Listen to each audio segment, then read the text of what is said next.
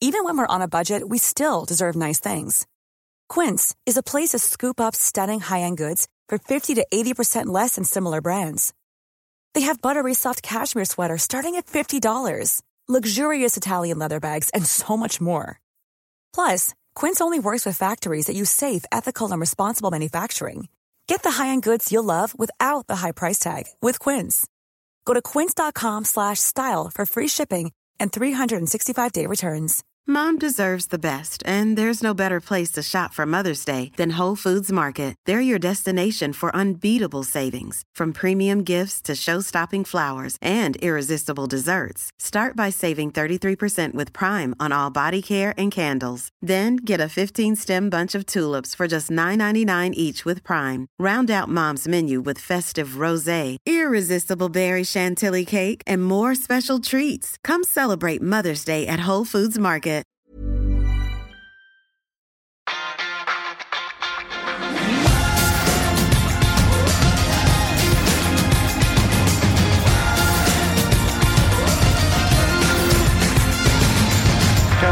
people, go to hell. Det er ikke så lenge siden vi satt der og sa at nå er det mørkt nå, men uh, jaggu hadde det ikke en sjattering til. Denne fargen mørkere kunne det jaggu bli etter seier over Burnley og en enkel triumf mot Crystal Palace i ligacupen. Så er Manchester United nede på jorda så til de grader. Og til å uh, gi en diagnose på den uh, alvorlig syke pasienten, så er Eivind som alltid på plass. Og så har vi fått inn min veldig gode venn, tidligere styreleder i supporterklubben, Bård Skår Viken. God dag! God morgen. Ja. Eh, Bård, eh, hva, hvordan har du det? Det er mandag morgen. Eh, United har eh, tapt. Barna har vært eh, i godt humør på vei inn i barnehagen, så sånn helt OK 1-1. 1-1. Ja. Du da, Eivind? Uh, nei, det er jo en uh, ny blåmandag. Det er ikke til å komme unna med det. Uh, jeg har jo et sånt Excel-ark i hver eneste sesong hvor jeg fører inn statistikk og matcher og litt sånne ting. Og der noterer jeg alltid noen stikkord om, om hver match, eh, for å liksom ha det for eh, dokumentert for historiebøkene, da. Eh, Egen historiebok. e- min egen. Den, skal nok aldri, den blir nok aldri gitt ut. Nei. Men eh, i alle disse prosjektene vi har hatt, så kommer det alltid til et tidspunkt hvor det bare står 'ingen unnskyldninger'. Og der var jeg på lørdag. Eh, vi kan skylde på VAR, vi kan skylde på skader, vi kan skylde på utenomsportslig støy. Men Manchester United skal slå Crystal Palace. Eh, de har elleve spillere på banen der som skal være gode nok til det, og de har en trener som skal ha kapasiteten til å lede laget til seier mot Roy Hodgson. Eh, og det gikk ikke, og så sier jeg ikke at nå er det over, men eh, nå, er vi, nå er vi rock bottom. Det står ganske greit i møkka nå, Bård. Ja, nå er det ganske mørkt. Det må være lov å si. Og så tror jeg samtidig at vi må huske på at uh, det er ikke mer enn én uke siden vi sa at nå trenger vi noen seire. Vi fikk noen seire. Og da var vi optimister igjen. Så får vi denne kampen, så er vi nede. Så det svinger. Og det tror jeg vi må ha med oss at uh, det, jeg tror vi, Hvis vi går inn og ser på hvordan vi som supportere vurderer Manchester United nå, så tror jeg jo at veien opp er ganske kort, og veien ned er enda kortere. Og det tror jeg også vi må ha med oss, at det er jo noe med forventningene våre her som eh, kanskje ikke henger helt sammen med hva det laget per nå er kapable til. Nei, men jeg har kommet litt der, jeg, at jeg orker ikke sånn som du litt du er inne på, Eivind, om det er var eller hens, at det er på en måte problemet er større enn det, syns jeg. Ja, vi sitter jo ofte her og leiter etter tendenser når det har gått dårlig, da, til å finne liksom hva er det vi kan klore oss fast i her, som at Som gir oss noen signaler på at ja, men det her blir bedre, bare den spilleren kommer tilbake fra skade. Eh, bare Rashford kommer i form, bare VAR-avgjørelsene går i, vår, i favør. Men nå er det ikke så mye å gripe etter, da, fordi jeg syns det mm, Den dårlige stemninga som er rundt laget nå, den virker å ha satt seg så dypt at det er bare veldig lite å, å klore seg fast i. Men det gjentar seg jo igjen, da. Det er eh, en helt ok åpning, altså har, tar litt grep på matchen, og så får du en i ræva, og da er, det- da er det gone.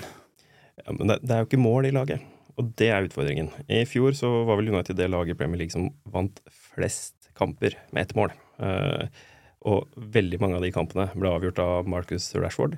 I år skårer han ikke, eh, og da ender vi opp med den type kamper som vi så på lørdag. Men han er direkte dårlig, han.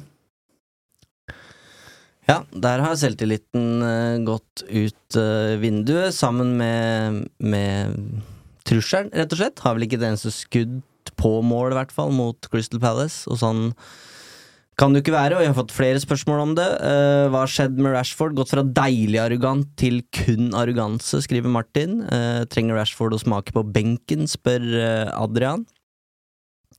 Det er der vi er. Ja, og det at Marcus Rashford tas ut da Manchester United jakter scoring, det òg er jo Det er jo et signal, det òg. Ja, hva tenkte du da Donny van de Beek og Harry Maguire Ja, du, når, jeg, når, jeg, ja, når jeg så Donny, da tenkte jeg at nå er, er det på, tann, på stålet her. Uh, og samtidig, han har jo ikke så mange å ta. Altså, det er jo en sykestue som er veldig full. Eh, men det er, det er urovekkende at han som skal være talismanen, gutten fra Manchester, fikk ny fet kontrakt, var en worldbeater eh, i store deler av forrige sesong. Årsaken til at Manchester United fikk den tabellplasseringen de fikk, og at de, at de stakk av gårde med trofé, vil jeg mene. I hvert fall den viktigste årsaken. Uh, han er uh, en skygge av seg selv. Og uten han så blir Manchester United ganske ordinære offensivt, altså. Og vi fikk jo smake litt på det forrige sesong. Litt sånn Her har vi en ja, La oss kalle han en Ronaldo, da, som leverer uke inn og uke ut. Uh, uke ut og som du sier, Bård, han, han vant kampene for Manchester United. Han var uh, tunga på vektskåla. Um, og så blei sikkert spørsmålet stilt da også, men sånn hva skjer uten Rashford? Hva skjer hvis han skader seg eller, eller mister formen? Og det er jo det vi ser litt nå, da. Fire mål på 18 kamper har han siden mars. Eh, og det er jo ikke der han skal være. Uh, men uh, vi snakka jo om at denne Burnley-kampen og Crystal Palace-kampen er liksom de sitt, er litt nøkkelen for å komme i gang, da. Og så er, ligger jo alt til rette når du sliter deg til et eller annet i Burnley. Er positive, veldig positive i, i ligacupen mot Crystal Palace, og så skjer dette. Er de for skjøre, eller hva tror du er årsaken, Bård? Jeg skal ikke være noen håpløs, eh, naiv optimist her, men jeg, jeg, jeg tror det handler litt om marginer. Hvis vi ser på denne sesongstarten, så uh, har vi hatt noen kamper hvor vi har vært millimetere unna å få med oss eh, resultater. Uh, hvis vi ser på Marcus Rashford, som vi har snakka om nå, så har han en uh, XG per kamp som er på nivå med fjoråret. Skårer ikke like mye mål. Så, så, det er den ene siden av det. Og så har du den andre siden av det, som gjør meg mer bekymra, og du har jo allerede snakka noe om det, Eivind, men det er jo at eh, det er vanskelig å se eh, hvor målene skal komme fra. Det er vanskelig å se helt hva den offensive planen er. Eh, og når det begynner å butte, eh, så er det vanskelig å se hva, hva er liksom ideen her. Eh, og det syns jeg var veldig tydelig mot Crystal Palace, og som blir jo satt helt på spissen, nesten til det ekstreme, når det er eh, Harry Maguire og Donny van de Beek som kommer inn de siste minuttene. Men, Mm. men det må skje noe på treningsfeltet, eh, og, og, og, det må skje i det offensive spillet. Um, tenker jeg. For han var jo guden. Erik Den Haag. Ja. Altså, for, for jeg, jeg, jeg tenker at på et eller annet tidspunkt så uh, må jeg nesten bli enig med Morten Langli. At, at det er eh, Du kan skylde på Glazers, for du kan uh, ta all den biten der. Det er mye støy. Men det måten Manchester United fremstår på nå, er ekstremt urovekkende. Og ansvaret ligger på en nederlender. Ja, det er nesten blasfemi å si det, på en måte, eh, at det tapet for Crystal Palace ikke er eierne sine skyld, for det er det jo i sånn hvis man skal tråkke det bakover, men som jeg sier innledningsvis, så er det jo elleve spillere der som skal kunne avgjøre det. Eh, og det her er jo det derre ja, den tornebusken som jeg har sådd et par ganger i podkasten her, da, og fått litt tyn for, men hvor, hva er vi uten Erik Den Haag, liksom? Og nå skal jeg ikke dra den, men det, det, det Jeg merker at det er vanskelig å mobilisere, fordi eh, vi har vært her så mange ganger før. Eh, Woodward fikk til slutt fire forsøk. Eh, lyktes ikke med noen av de. Richard Arnold Nå er det et halvannet år siden han eh, kom inn. Det var en kjempemulighet til å si nå starter vi på nytt. Det som har skjedd etter Ferguson, det har skjedd. Moyes lyktes ikke, van Gaal lyktes ikke, Mourinho lyktes ikke eh, og heller ikke Solskjær. Ehm, da må man på en måte ha lært at det holder ikke å bare ansette en ny manager. Her må vi rive opp alle røttene fra blomsterbedet, og så må vi bytte jord, og så må vi plante nye blomster og gjødsle og vanne hver eneste dag. Um, men nå er det halvannet år siden Arnold kom inn. Det er uh, omtrent like si lenge siden vi, vi ansatte, ansatte Ten Hag. Og nå befinner vi oss litt her igjen, og så kan det godt hende at de graver seg ut av det her, men det vil jo Da vil Ten Hag ha klart noe som ingen, ingen av de andre klarte, og han jobber jo mot, mot strømmen her. Um, og med det eiers store eierskapsspørsmålet i bakgrunnen, så, så er det vanskelig å, å, se for seg at Ten Hag skal klare å snu kulturen i en så stor klubb som Manchester United, som har loopen på seg 24-7 hver eneste uke. Um, og det ansvaret ligger på Manchester United, ikke på Ten Hag. Jeg er enig med deg mye, men så tror jeg jeg, tror vi må være ganske tydelige på at Ten Hag må få mer tid. Eh, han har tre overgangsvinduer. Hvis man ser hvordan den høsten her har starta, hvilke utenomsportslige episoder han har måttet håndtere, så handler eh, flere av de om eh, spillere som han ikke har henta. Eh, det er bare et eksempel på at han har eh, overtatt et havari. Eh, og, og skal ikke si at han har nedsatt en havarikommisjon, men han har i hvert fall uh, satt i gang en, en ryddejobb som kommer til å ta mer tid enn ett år uh, og, og to måneder. Og Nå kan vi jo gremme oss over den eh, kampen vi spilte mot Palace i helga, men vi skal ikke mer enn uh, tilbake til mai for snart halvannet år siden for å se en enda verre kamp mot Crystal Palace. Mm, ja. så, for den er helt unikt dårlig? Ja, det må være det verste jeg har sett i hele mitt liv som United-supporter.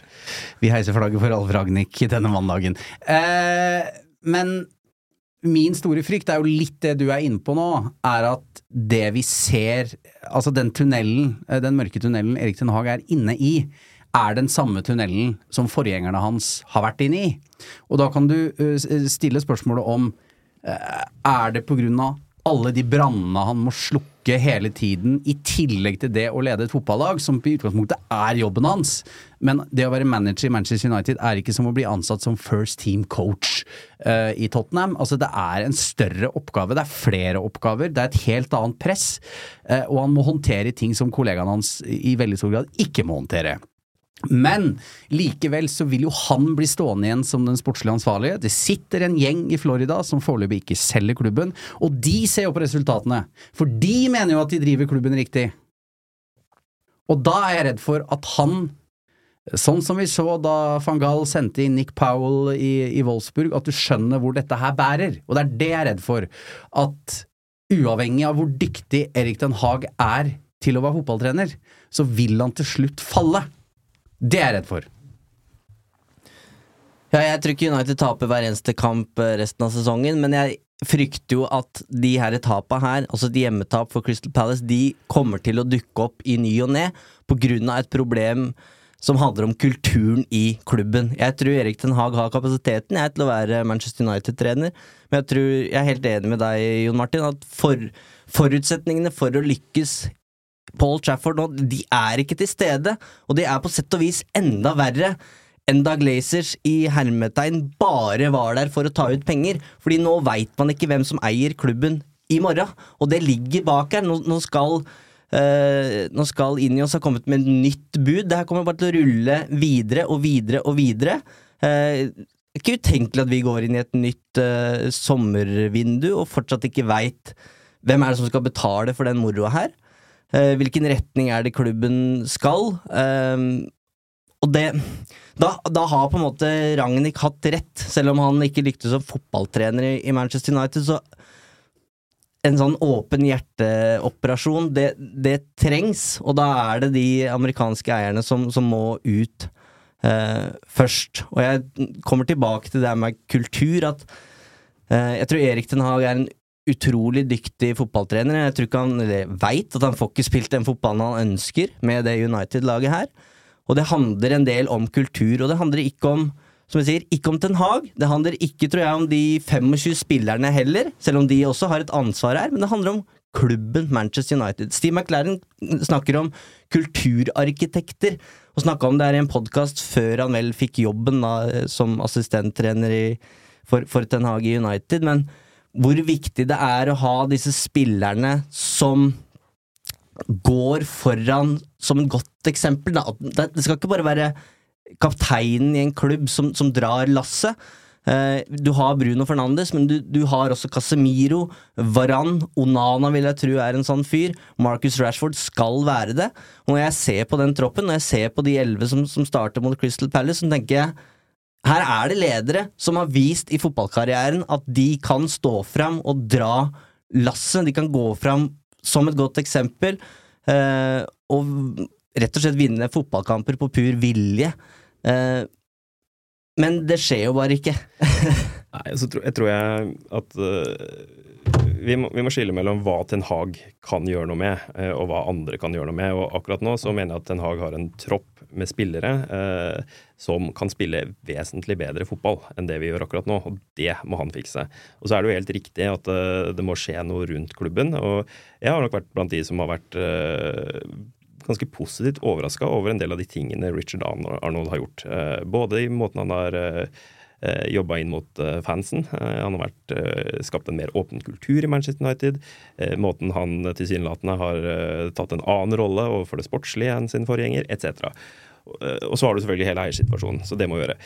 Og så har du den tredje siden av dette her, som jo er fansens rolle og eh, medienes rolle. Og akkurat nå så tror jeg eh, Ten Hag må få tid eh, utenfor, utenfor, Eller på treningsfeltet for å fikse det som skjer på banen. Så må, og der kan fans spille en rolle, så må det skje noe med eiersituasjonen. Og så har vi det siste, og det er jo den eventuelt negativiteten og det presset som altså, mediene kommer til å være superkritiske mot United. De, de, har alltid vært det, de kommer alltid til å være det. Eh, og så er spørsmålet hva gjør vi eh, som supportere på toppen av det. Eh, og akkurat nå så er jeg faktisk mest redd for at eh, det er vi fansen som kommer til å, å velte Den Haag. Eh, ikke spillergruppa, ikke, ikke, eierne, ikke Richard Arnold. fordi at det, den massive negativiteten som kommer med en gang det begynner å Altså vi møter motstand, den er, er litt farlig. og, og Eh, det er i hvert fall én ting som vi kan være ganske trygge på. Det er at Glaze-familien lytter veldig tydelig til kommersielle signaler. Eh, og mm. negativitet og dårlig PR og en merkevare som eh, ja, er i spill, det er kanskje det verste scenarioet for dem. Og også i en situasjon hvor man uh, vurderer å selge klubben. Hvor du skal sminke brura, rett og slett? Det er jo det de gjør. Eh, beste eksempelet er jo van Gaal jeg syns uh, et sånt 1-0-tap for Crystal Palace minner litt om den uh, julekampen han hadde mot Norwich hjemme, hvor de også taper 1-0. Uh, eh, var det Tetti som scora òg? Ja, stemmer det. Ja. Og så tar han seg jo til FA Cup-finale, og vinner den. Rakk ikke får... løfte boka da. Så det var jo bestemt, og det handler jo, tror jeg, om, som du sier, Bård, at det er mer det der massive uh, presset, da, eller oppmerksomheten på Manchester United, som feller manageren. Det kan godt hende at Woodward egentlig hadde lyst til å gi van Gaal mer tid, men det, det, er ikke et alternativ. For du blir jo symbolet, enten du, enten du vil eller ikke. Sånn ja. funker det. Altså Er du øverst sportslig ansvarlig i, og leder et fotballag, så blir du symbolet. Har du tapt fire av sju ligamatcher som manager for Manchester United, så blir det bråk, samme hvem du sier at du er. Ja, og da er det jo et poeng at nå, nå trenger Ten Hag tid til å finne ut hvordan Bruno Fernandes kan uh, få ballen fram til Rasmus, Høy Rasmus Høylund foran mål. Mm. Uh, han kan ikke drive og bruke uke etter uke på å, å snakke om hvorfor Jaden Sancho spiller PlayStation etter midnatt, liksom. Det, det, er, det går ikke. Nei, det er sant, det. Men det er, det er jo en rekke her nå, da. Uh, vi må se på kampprogrammet. Nå er det Galatasaray uh, i Champions League. Så er det Brentford som kommer på besøk til Old Trafford. Sheffield United borte. FC København kommer til Old Trafford før Manchester City uh, tar, tar, bussen til, til Drømmenes teater. Mm. veien til det Manchester Derby nå er ekstremt interessant og ganske kritisk, vil jeg mene. Er enig. Uh, den. Den ene tingen som er hvert tydelig når man ser på kampprogrammet her, er jo at disse kampene, nesten hver eneste en frem til uh, City-kampen, skal vi vinne. Og vi bør egentlig kunne vinne de med god margin. Og, og med lite grann stang inn, så kan det godt hende at vi gjør det også. Men så er jo problemet det som kanskje mange følte på på lørdag, og som jeg fortsatt kjenner på i dag, at jeg stoler ikke på dette laget. For jeg ser ikke hvor målene skal komme. Jeg er ikke sikker på at spillerne kommer til å løpe nok. Eh, jeg tror motstanderen kommer til å ville dette mer. Og det eh, gjør jo at jeg, jeg tenker jo ikke at vi kommer til å vinne alle disse kampene. Eh, men, men det er mulig. Og vi så jo på kampprogrammet og tenkte her, her er jo vendepunktet. Det, det kommer nå. Og det fikk jo en, det fikk jo en god start i ligacupen på tirsdag mot Crystal Palace. Uh, Riktignok med annen formasjon og med andre spillere. Um, og det er jo bekymringsverdig hvordan det kan gå fra det til å rakne igjen. Altså Crystal Palace skårer etter 25 minutter. Uh, og så leste jeg en sak i The Athletic om at Uniteds problemer er at de ikke, ikke skaper nok store sjanser. Uh, og det er jeg ikke helt enig i med tanke på de 90 minuttene på lørdag. Jeg syns egentlig United hadde en del gode muligheter. Uh, Høylund aleine med med keeper der. Eh, Bruno Fernandes hadde et eh, skudd som fint kunne gått inn. Casemiro med en heading. Eh, Mount med en heading. Så de hadde jo nok muligheter. De hadde 19 avslutninger. Det er like mange som Aston Villa hadde. De skåra seks på Brighton. Så jeg tror jo egentlig, Bruno Fernandes er jo fortsatt en av de beste sjanseskaperne. Eh, men jeg kommer jo igjen tilbake til det der med kultur, og kanskje mest av alt selvtillit, og det vi har snakka mye om her. Den kollektive selvtilliten som er den, den, bare forsvinner når de kommer bak. Eh, og det at de kan gå fra å ha fått en så stor opptur på, på, tirsdag til å levere det der, det sier jo alt vi trenger å vite, egentlig, om, om at de ikke de, har, de er nok like usikre som det vi er, da, før avspark hjemme mot Crystal Palace. Lyse opp stemningen med en jingle, Eivind. Oh!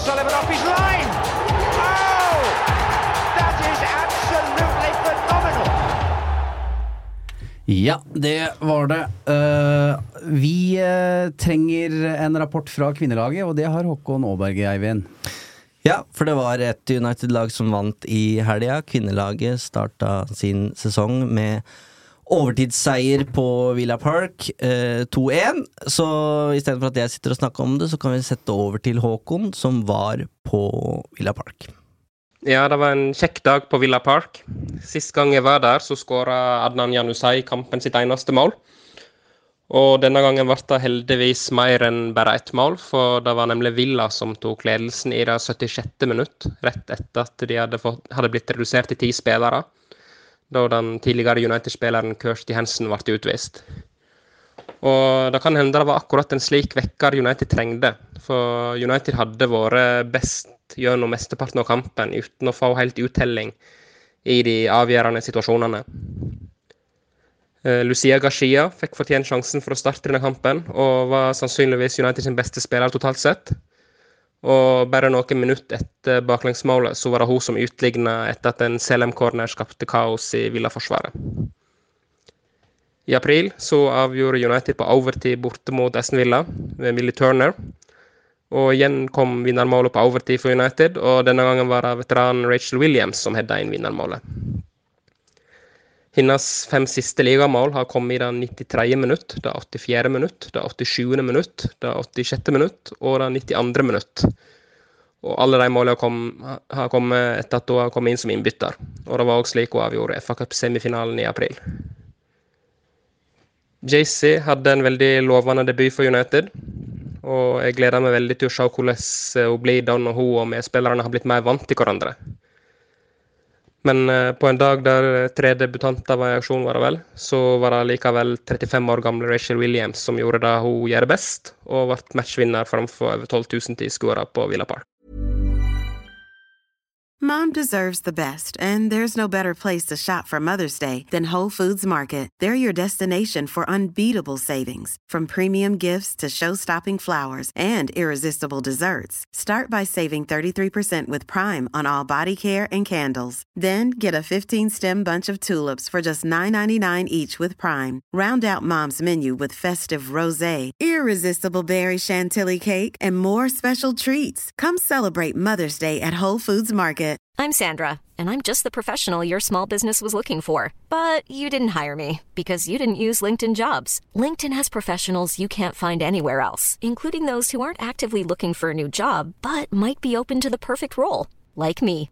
In a given month, over 70% of LinkedIn users don't visit other leading job sites. So if you're not looking on LinkedIn, you'll miss out on great candidates like Sandra. Start hiring professionals like a professional. Post your free job on linkedin.com/people slash people today. Denne episoden er sponset av Hello Fresh. Nå som det drar seg mot slutten av en lang sesong, trenger vi United-supportere skikkelig næring. Med gode og ferske råvarer fra Norge gjør Hello Fresh det til en lek å lage de herligste retter fra hele verden. Du velger bare hvor mange som skal spise, og hvor mange oppskrifter du ønsker ukentlig. Så får du alle ingrediensene du trenger, levert på døra. Personlig syns jeg det beste med Hello Fresh er at du kan skreddersy din egen ukesmeny. Du kan velge fra fem forskjellige kategorier. Vegetarisk, familievennlig, rask og enkel, fisk og grønnsaker, og smaker fra hele verden. Med 25 fristende oppskrifter hver uke kan du bli like uforutsigbar på kjøkkenet som Garnaccio er på Vingen. Selv må jeg si jeg er spesielt svak for asiatisk taco og den portugisiske kyllingburgeren. Som Uno-lytter kan du få opptil 1779 kroner rabatt på de seks første matkassene dine, og gratis frakt med første leveranse. Så det er bare å komme seg inn på lowfresh.no og bruke koden FreshUnited. Dette gjelder for de som ikke har prøvd Hello Fresh ennå, og for de som tidligere har vært kunde, men som har stoppet abonnementet for minst tolv måneder siden. I just love United. Kjærlighetens veier er uransakelige. Eh, Men eh, et eh, nytt slag er jo Lisandro Martinez.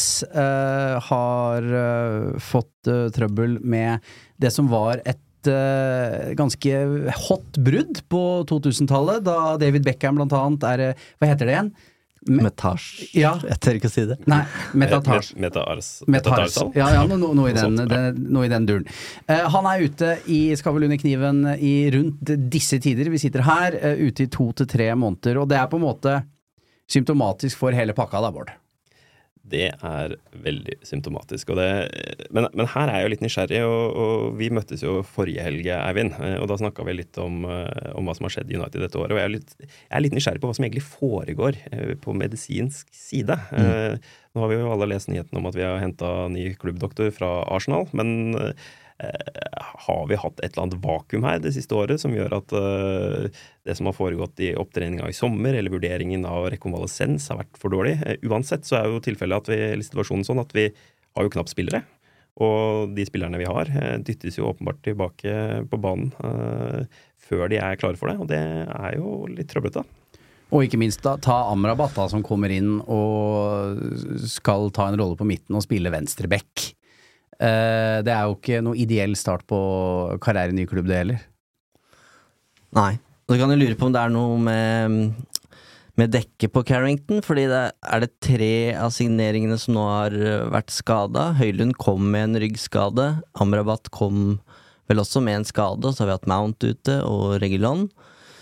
Um, og det her, for å gå tilbake til det berømte Excel-arket mitt, så noterer jeg også antall skader der. Jeg husker fortsatt at det sto 14, ska 14 spillere ute under van Gaal, eh, og det var noe lignende når Solskjær gjorde det han gjorde i Paris. Så det der òg er jo en sånn fellesnevner for, eh, for de ti siste åra, eh, og som de bare ikke får bukt med. Og det, vi får jo ikke noe svar på det heller, om det har vært en for tøff oppkjøring, eller om det jobbes feil restitusjonsmessig, eller om det er for tøffe økter. Det, de skadene kommer jo, og man får ikke noe svar på det. Men eh, Martinez har nok spilt, med, spilt når han ikke burde spille. Eh, vi har snakka om da at han er ikke til å kjenne igjen, og det har det nok vært en grunn til. Ja, det, ting tyder på det, men vi satt jo her forrige sesong da, og var veldig bekymra over at Ten Hag bare gønna på med samme gjengen hele tiden. Eh, er det en teori at de ble kjørt for hardt forrige sesong, de kom seg så vidt over målstreken eh, til slutt, de sikra Champions League. Men det var en sliten gjeng. Altså Det var en meget lang sesong der han mønstra eh, det beste han kunne i alle turneringer hele veien. Gikk de inn i preseason på minus? Det er vel ingen teori at de ble kjørt for hardt i fjor. Eh, Og nå så vi kanskje tegn til at Den Haag har lært i, i midtuka, eh, hvor Bruno for en sjelden gangs skyld eh, ikke spilte en kamp. Det Mm. tror jeg er bra. Men jeg, jeg, jeg tenkte jo når jeg så lagoppstillinga mot eh, Palace eh, i, i ligacupen, at her er det flere som kanskje ikke burde spilt. Hvorfor, hvorfor spiller Casemiro den kampen, Mm. f.eks.? Er dette den viktigste kampen han skal være med på denne sesongen, eller kommer det noen lenger ned i løypa som han burde prioritere? Og, jeg tror Ten Hag fortsatt har litt å, å, lære, og han trenger ikke å se så langt for å finne kanskje det ekstreme ytterpunktet da, i andre enden, i Pep Guardiola, som jo rullerer på et nivå som i hvert fall ikke Ten Hag gjør. Men er det noen lyspunkter her? Er det noen halmstråer utover marginer og, og at man karrer seg til eh, noen seier og kommer seg på en seiersrekke? Er det noen Er det noe Du, du Eivind får oppgave nå. Jeg graver meg Ja, ja, ja. ned her, men Er det, eh, er det noen eh, Hvis du kan være predikere litt der, er det noe man kan klore seg fast i? Ja, det, jeg sa jo innledningsvis at det, det er ikke noen tendenser, syns jeg, som tyder på at det her bare var uflaks. Dette sitter nok dypt. Men jeg er helt med på det Bård sier om at Den Haag må få tid. Eh, Det United-laget her må få tid. Vi, vi, det her kan godt hende vi nå slår Galtasaray 3-0, men da veit alle at problemet er ikke løst. Eh, Og så kan det også hende det blir poengtap mot Brentford, men Ok, eh, kamp for kamp, som det så kjedelig heter, da. Og jeg sjekka jo litt i helga etter den matchen på lørdag, og hvert fall de folk som jeg stoler på rundt klubben, sier at det, det er ikke noe murring her internt. Så det tror jeg er mitt største håp. Det er det stearinlyset jeg tenner hver kveld. Altså at internt i Manchester United så, så er det ikke det er ikke noe opplevelse av at Ten Hag har mista garderoben, eller at folk ikke gidder, eller at de ikke tror på det her, og at de vil bort i januar, kanskje bortsett fra én fyr, men eh, det, det, er nok en forståelse av hvorfor ting har blitt som det har blitt, med alle disse unnskyldningene som jeg vraka her eh, når vi begynte. Um, og det, jeg syns jeg ser det også på banen. Jeg, spillerne skal ta ansvar for at det ikke blir tre poeng mot Crystal Palace, men jeg, jeg syns jeg ser en viss innsats der, altså. Uh, at de ikke har resignert. Dette er ikke United ja. mot Watford Nei, under Solskjær. Det er jeg enig i, for jeg syns faktisk uh, tidvis i den andre gangen mot Palace, så ser man et United-lag som er oppkava. Altså, men de prøver, men de, de, de, de får det rett og slett ikke bare til. Mm. Og det er jo litt enig, og det er jeg enig med deg i, for du så liksom uh, uh, Solskjær i Watford, den, der er de døde. Altså, der er de ferdig. Ja. Men jeg opplever ikke gjengen som ferdig. Nei, Nei overhodet ikke. Hvis jeg skal prøve å finne et uh, lyspunkt fra den siste uka, da, utover at vi faktisk vant to fotballkamper, så har jeg lyst til å trekke fram Hannibal Meibri. Jeg tror ikke han er klar for å spille på det aller øverste nivået ennå, men han har bevist at uh, hvis man får inn uh, en midtbanespiller, eller gjerne flere, som uh, løper kanskje ikke 10 km eller 11 km, men 12-13 km i løpet av en kamp, så skjer det noe med resten av laget. Og ja, i forrige, forrige helg var Fergusons gamle trener René Moilenstein var i Oslo og snakka om, om, United og var ganske åpen i sin vurdering av hva er det som er svakheten med dagens Ten Hag-lag, eller hva har vært svakheten fram til nå, og det er at det har mangla det han kaller legs på midtbanen. Så fikk vi inn Hannibal som løp skjorta av seg.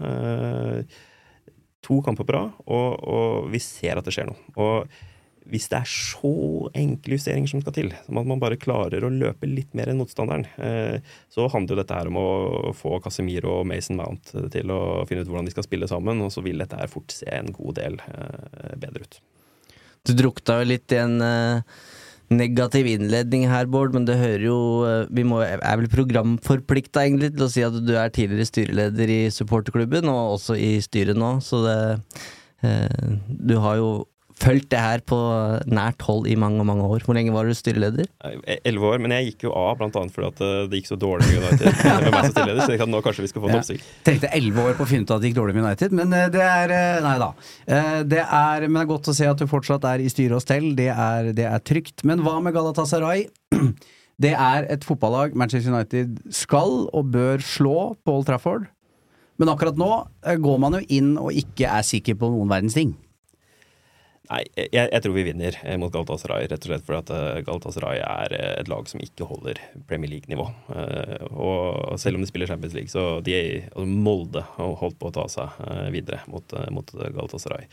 Um, og så tenker jeg mer enn å vinne, så tenker jeg nesten det viktigste nå er jo å se om vi klarer å få i gang Rashford må skåre mål. Vi trenger at Høylund spiller på seg litt selvtillit.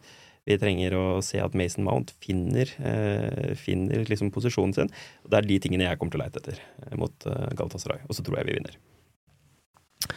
Ja, de var jo heldige som fikk poeng hjemme mot eh, FCK. Lå under 2-0 og fikk med seg ett poeng der. Nei, surrer jeg nå? Ble det 2-2, eller ble det Det ble 2-2. Det ble 2-2, Ja. ja. Jeg lurte på om de tapte alt, danskene, til slutt, men da ble Ja, stemmer. Ett poeng. Eh, og det er jo et litt sånn rart lag, men kanskje litt sånn typisk eh, tyrkisk lag. Eh, anno 2023, med Icardi og Wilfred Saha og litt forskjellig. Så hjemme mot Kaltasaray, de må jo ha tre poeng. Ikke det at vi hadde budsjettert med tre poeng i, i München, men skal de ta det de trenger for å gå videre her, så, så, så må de slå Galtasaray nå i runde to. Og så er jeg mer usikker på den bortekampen, men jeg trenger ikke å snakke om det nå. Nei, her tar vi én ting av gangen, merker jeg. Tror ikke vi skal forskuttere med noen verdens ting. Er det noen spørsmål eh, folk brenner inne med, en eh, Eivind? jingle først, Nei, vi tar en jingle, det er greit. Å nei, du, dette er ikke noe for meg. Gir du skjoldet ditt til uh, Ten Hag? Ja, han trenger et skjold, Uh, så, så gjerne det. Uh, Og så må dere finne en forræder snart. Ja, vi får se, da. Den som lever, får se, som det passer i, dette, i det konseptet der. Eh, Men er det noen eh, gode spørsmål vi har fått inn, eh, Eivind? Ja, det er mye om Ten Hag, som vi jo har dekka ganske godt, men vi kan jo ta med oss eh, lytterne litt. Ni på sju er lik oppsigelse, nok unnskyldninger nå. Ten Hag kan ikke snu dette, skriver Anders.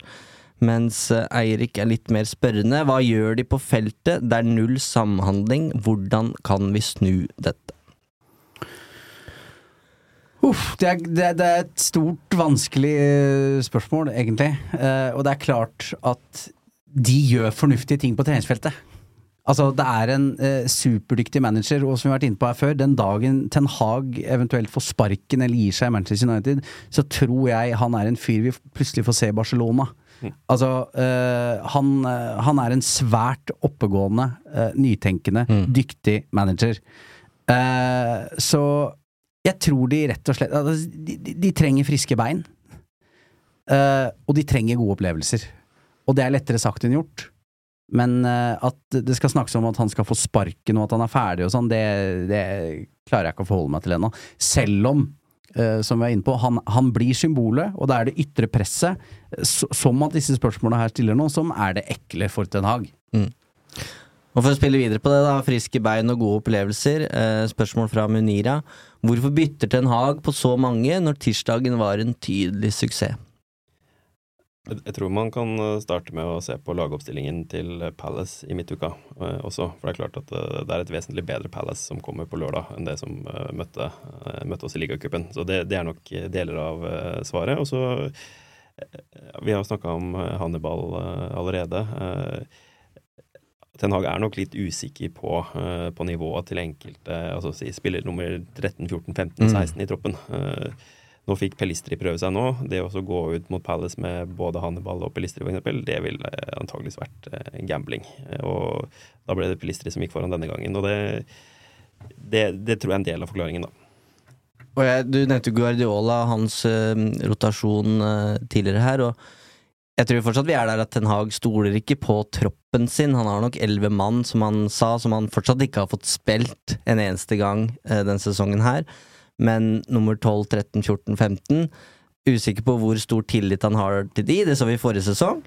Og så tror jeg også er blitt eh, smertelig klar over hva det vil innebære for å kaste inn en unggutt for, for dypt vann her. Eh, I et lag i motgang. Ja, for eksempel Pilistri, da.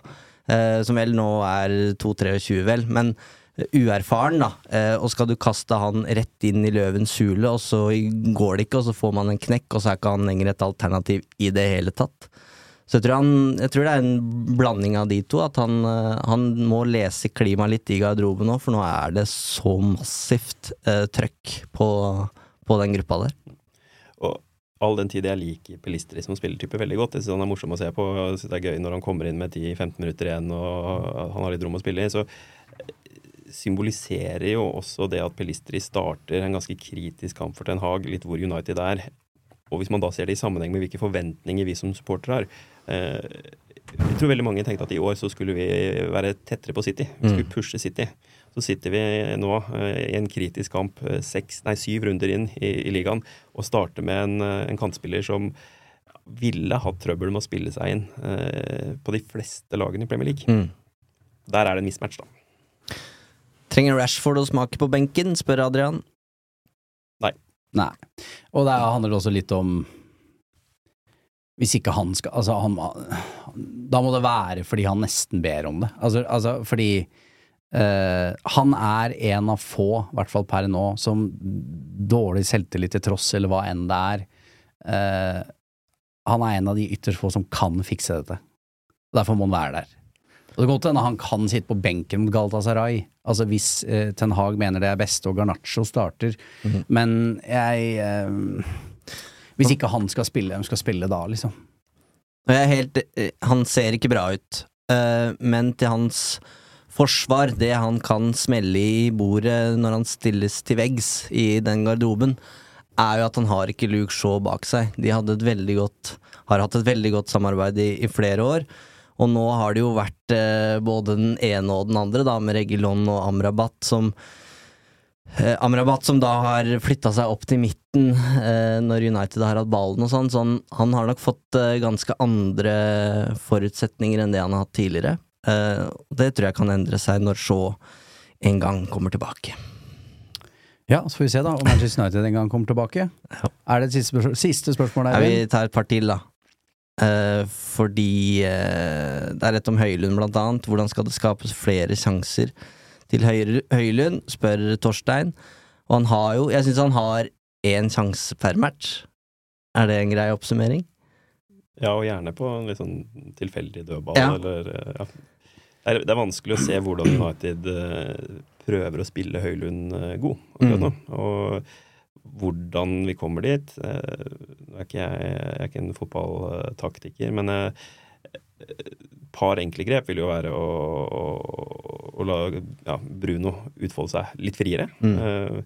Rashford kan jo sentre eller legge innlegg én av tre ganger hvor han avslutter i stedet. Og så tror jeg du, du gjorde en befin analyse nå av eh, Rashford med og uten Shaw. Det å ha offensive backer som kommer ned til dørlinja og legger ballen, eh, ballen inn, eh, tror jeg også er en måte å gjøre han god. Og det har det Mm. vært litt av de siste kampene. så selv for en, en som en synser som meg, så er det jo ganske lett å se hvordan man potensielt kan gjøre det enklere for Høylund. Mm. Og han, jeg sier det hver uke nå, jeg. Han kommer til å bli bra. Ja, jeg tror det, men ja, han jeg- spilles ikke god. Nei, han gjør ikke det. Han har et bevegelsesmønster, uh, å være i, i riktig posisjon. Uh, han er uh, Selv om han ikke skaper så mye, så er han et uromoment. Han er en spiss. Eh, så nei, jeg har jeg, jeg tror dette her kommer til å ordne seg. Og så skal du Og bare legge til. Og så elsker han å spille for, for Manchester United. Ja. Og Ja. det er så deilig å se på. Enig. Skal du få synse litt mer, eh, Bård, for jeg er litt spent på den her. Eh, har vi kjøpt oss et problem med Mount? Midtbanen vidåpen med han og Bruno sentralt, skriver Ole Marius. Syns du han har vært like eh, positiv som det Høylund har vært? Jeg syns Mount faktisk var bedre mot Palace. Det høres jo litt absurd ut enn det han har vært eh, tidligere. Men, men det er klart han og Det er vanskelig å se hvordan han og Casemiro eh, skal spille sammen eh, akkurat nå. Og da er spørsmålet hva, hva trenger man å gjøre eh, rundt dem for å få det til å funke. Men det han i hvert fall tilfører, er jo de, ja, det Møllenstein da kaller, for legs. Og det trenger vi. Så på en eller annen måte så tror jeg dette kan bli bra. Men jeg ikke, jeg har ikke svar på hvordan. Men noe må skje, for akkurat nå funker det ikke. Og så syns jeg det er skremmende. En ting er United slipper inn mål på dødball, selvfølgelig, sånn skal det bare være. Men nå har de jo investert i noen gode dødballføtter, i Christian Eriksen og nå også Mason Mount. Det syns jeg ikke vi har fått sett så langt. Nei, altså de cornerne blant annet er jo under enhver kritikk.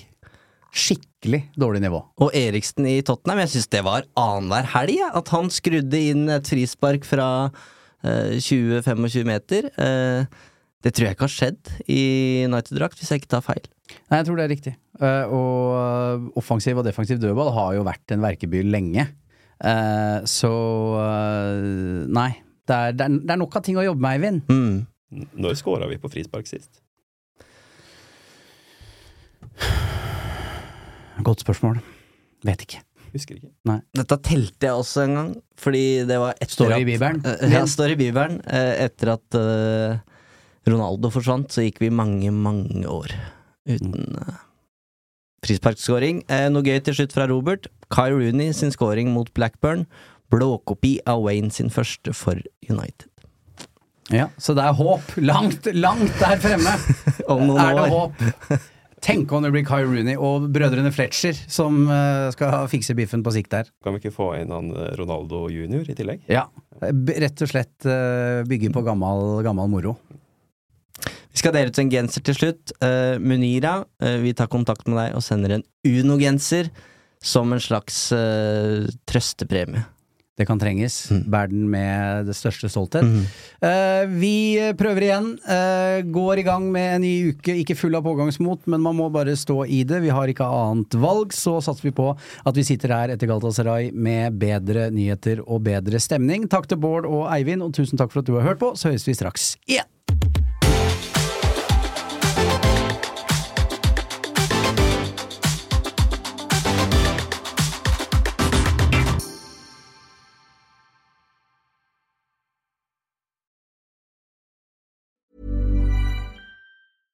Mom deserves the best, and there's no better place to shop for Mother's Day than Whole Foods Market. They're your destination for unbeatable savings, from premium gifts to show-stopping flowers and irresistible desserts. Start by saving 33% with Prime on all body care and candles. Then get a 15-stem bunch of tulips for just $9.99 each with Prime. Round out Mom's menu with festive rosé, irresistible berry chantilly cake, and more special treats. Come celebrate Mother's Day at Whole Foods Market.